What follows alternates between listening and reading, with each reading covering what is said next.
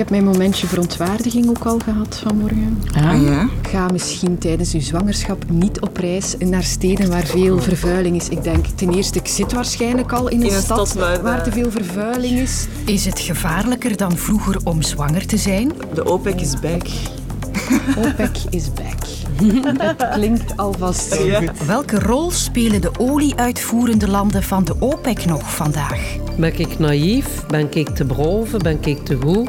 En dat ik op die waarom geen, geen antwoord krijg. En hoe ontdek je schijnrelaties? Ze kunnen helemaal niet trouwen. We zijn vertrokken voor een nieuw kwartier. Welkom, ik ben Sophie van der Donkt. Ik zat vanmorgen in de auto op weg naar het werk en ik ging al bijna in de remmen toen ik dit hoorde. En nog een tip voor zwangere vrouwen. Misschien niet op reis gaan naar steden waar dat je weet dat de luchtverontreiniging erg hoog is. Wat? Is het echt nodig om zwangere vrouwen zulke tips te geven of misschien zelfs angst aan te jagen? Ik plaats het fragment eventjes in zijn context. Zelfs bij baby's in de buik zit al luchtvervuiling. In de longen en hersenen van foetussen is er al luchtvervuiling terug te vinden. Dat zegt onderzoek van de Universiteit van Hasselt en Aberdeen. Het was al bekend dat roetdeeltjes in de placenta van zwangere vrouwen kunnen belanden. Maar nu is die verontreiniging dus ook iets verderop gevonden, in de organen van foetussen. En op basis daarvan dus die tip van een van de onderzoekers. Ja, je zou bijna niet meer durven te ademen. En voor zwangere vrouwen lijkt het lijstje met risico's voor de baby alleen maar aan te groeien. Maar klopt dat wel? De tijden zijn nogthans veranderd, want in de jaren 50 ging roken bijvoorbeeld nog door als een goede gewoonte. Daarom zingen we de lof der tabak. En ieder heeft een antwoord op de vraag, waarom rookt u eigenlijk? Ik zou zeggen, het leidt je zo prettig af bij je dagelijkse zorg.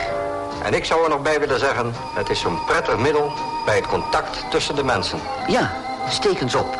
Dat doen duizenden mensen dagelijks. En dat hebben wij mensen nodig. Meet u ook als sigarettenroker een goede gewoonte aan. En zelfs de dokters zagen er geen graten in voor zwangere vrouwen. vrijwel vaststaat, is dat zware sigarettenrooksters, 20 of meer sigaretten per dag, kleine kinderen baren. Maar het is niet schadelijk. Eh, als u dat schadelijk noemt, misschien wel, maar een kleine hoeveelheid sigaretten, 6 per dag, laten we zeggen, is zeker gevaarloos. Ja, een kleine hoeveelheid sigaretten per dag, een zestal tijdens de zwangerschap, is zeker gevaarloos. We weten nu wel beter, maar misschien weten we stilaan ook wel te veel. Dus vroeg ik aan gynaecoloog Isabel de Hane of het vandaag nu echt gevaarlijker is om zwanger te zijn dan vroeger. Ja, de tijden zijn wel veranderd. Men weet meer, de wetenschap weet meer, maar ook de bevolking in het algemeen, de patiënten weten meer, willen meer weten, zoeken meer op. Dus de, de perceptie is in ieder geval eh, anders. Wel, vroeger, als men naar de dokter ging, dan luisterde men, men absorbeerde en men deed wat de dokter vroeg. Nu is dat wel helemaal veranderd. Nu zijn we echt geëvolueerd naar een dokter die eerder informeert. Dus het is meer patiënt en dokter die samen gaan beslissen, daar waar dat je vroeger echt het paternalisme had. We kunnen inderdaad veel meer gaan oppikken. De tweeling die plots geboren wordt zonder dat koppel wist dat er twee baby's in de buik eh, zaten, dat zal vandaag de dag niet meer gebeuren. Eh, Kindjes met bepaalde soorten afwijkingen, ja, die, die worden vroeger opgepikt en daar zijn therapeutische opties of opties om de zwangerschap af te breken. Dus op die vlakken kunnen we wel meer ingrijpen. Dus er zijn zeker evoluties die positief zijn.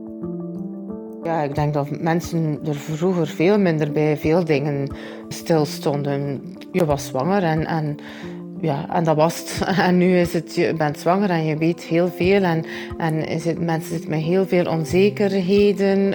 Gaat die borstvoeding lukken? Ben ik dat hier wel goed aan doen? Oei, oei, ik heb dit gegeten, mag dat? Allee, we merken wel meer onrust, eh, denk ik. Ik denk dat ook eh, het psychologisch hebben mensen het vaak moeilijker. Of misschien is dat ook dat we het beter oppikken, omdat er meer aandacht voor is. Dat kan natuurlijk eh, ook. Maar ik denk toch dat men vroeger zorgelozer door een zwangerschap ging. Natuurlijk, ja, we mogen het ook niet te sterk gaan medicaliseren, de zwangerschap. Het moet nog altijd een van de mooiste periodes van een koppelsleven zijn. En ze moeten ook kunnen nog ontspannen en niet te veel inzitten met al de mogelijke negatieve gevolgen. Het is aan de arts om te informeren, te zeggen wat, wat nu op dit moment wetenschappelijk aangewezen is om te doen en verder vooral genieten. Flashback naar 1973. Wij zijn de dupe van dat Midden-Oosten rotzotje. Met het autootje, met het autootje. Toen scoorde The Three Jackets een hit in Nederland, geïnspireerd op de oliecrisis in die tijd. We mogen op zondag niet meer rijden met het autootje, met het autootje, met. Toen dreven de landen van de OPEC de olieprijzen fors omhoog en dat deden ze om politieke druk te zetten. Nu zitten ze nog een keer in het nieuws omdat ze beslist hebben om minder olie op te pompen. Want als er minder olie beschikbaar is, dan kunnen ze de prijs weer wat opdrijven. En ik bedacht mij, die eens zo machtige OPEC lijkt nu toch wel afwezig in de energiecrisis die we vandaag beleven. Met een paar vragen stapte ik naar energie-experte Lucia van Geuns. Ten eerste, wie zit er in de OPEC? Het zijn vooral grote olie-exporterende landen zoals Saudi-Arabië, de Verenigde Arabische Emiraten, Kuwait, Irak, Iran, maar, maar ook bijvoorbeeld Libië en, uh, en Algerije en tegelijkertijd ook Venezuela. Wat doen ze precies? OPEC is een uh, oliekartel. Het staat voor Oil Producing and Exporting Countries. En dat zijn eigenlijk een aantal landen die in de vorige eeuw uh, samenwerken met betrekking tot het productie en het exporteren van hun olie. OPEC reduces approximately 1.2 million Dus ze verlagen het of ze verhogen het al naar gelang dat ze denken dat, uh, dat dat effect zal hebben op de prijs. En dat is dus naar aanleiding van wat zij zien als wat de toekomstige vraag is. Hè, over, over een half jaar en over een jaar. En daar passen ze hun uh, productiequota, zoals dat dan heet, op aan. Radio 1. Het blijft rommelen in de OPEC. Iran heeft laten weten dat het zich niet zal houden aan de productiebeperkingen die een paar dagen geleden waren afgesproken onder de OPEC-landen. De Iraanse stap komt vlak na het besluit van Ecuador om de organisatie zonder meer te verlaten. Maar een vriendenclub lijkt het in elk geval niet. Nee, het zijn zeker geen vrienden. Ze zijn eigenlijk door, uh, doordat zij een gemeenschappelijke noemer hebben, namelijk het exporteren van olie, bij elkaar gebracht. En het belang is eigenlijk om een gebalanceerde oliemarkt te creëren. Zij kijken naar de vraag: waar komt de grootste vraag vandaan? Is er genoeg aanbod? Kunnen wij dat balanceren? En ze zijn nu met elkaar ongeveer, hebben ze een marktaandeel van 40%. Kunnen wij dat, kunnen wij dat balanceren zodat die prijs niet te veel gaat fluctueren? En elk land die, die speelt daarin zijn eigen rol. En vooral Saudi-Arabië en nu ook Rusland zijn eigenlijk de belangrijkste spelers met betrekking tot de export. Rusland hoort eigenlijk niet bij de OPEC, maar wel bij de OPEC Plus, met de bondgenoten van het oliekartel erbij. Wat proberen ze daar? Je merkt dat Rusland natuurlijk in de gasmarkt zeg maar, zijn eigen strategische zetten heeft gezet. Namelijk door die gasmarkt en met name die export naar Europa zoveel mogelijk af te knijpen. En dat geeft die enorme energiecrisis waar we op dit moment met z'n allen in zitten. Niet alleen maar een gascrisis, maar ook een, een, een, elektriciteitscrisis. En natuurlijk, dat jaagt de inflatie enorm aan. Maar, uh, maar de olie komt daar nu nog bij. En dat is misschien wel een van de, noem het maar, van de zetten, uh, strategische zetten die Poetin nog kan maken. So surprise, surprise, the White House has absolutely no say in terms of setting uh, global oil production. I mean, that's really underscored by today's move by OPEC+. En gisteren volgde de OPEC dus een voorstel van Rusland om de olieproductie te verlagen, niet naar de zin van de VS. Dus de OPEC heeft wel degelijk nog macht vandaag? Nou, ik denk zelfs dat OPEC en vooral OPEC Plus nu, waar natuurlijk Rusland bij zit, eigenlijk nu misschien wel wat meer macht naar zich toe trekt. Ze waren wat stil in de hele crisis. Hè, met name de crisis natuurlijk dit jaar, hè, toen Rusland Oekraïne binnenviel. We zien het meer als een gascrisis en nu ook een elektriciteitscrisis. Dat jaagt de inflatie aan en mogelijk komen we in een recessie. Hè, dat betekent uiteindelijk dat mogelijk de vraag naar bijvoorbeeld olieproducten zal gaan afnemen. Dus OPEC zegt, ja, wij kijken er puur economisch naar. Wij, nemen, wij anticiperen al dat er een verminderde vraag komt. En, uh, en dat betekent dat we nu drastisch alvast productie gaan terugnemen. Tegelijkertijd zie je dat OPEC niet van plan is om partij te kiezen in het conflict in Oekraïne. Uh, uh, zij, zij zijn niet voor of ze zijn niet tegen. En eigenlijk kan je zeggen dat die verlaging van de productie van gisteren, althans wat ze hebben besloten, toch wel een handreiking is naar Rusland. En daar is natuurlijk de Verenigde Staten niet echt blij mee. Het gebeurt wat meer achter de schermen, maar de OPEC speelt zeker nog zijn rol in de energiecrisis. En Rusland probeert via die weg dus ook aan de touwtjes te trekken. Dag Sophie, hallo. Hey, dag Wart. Hoe is het in Gent?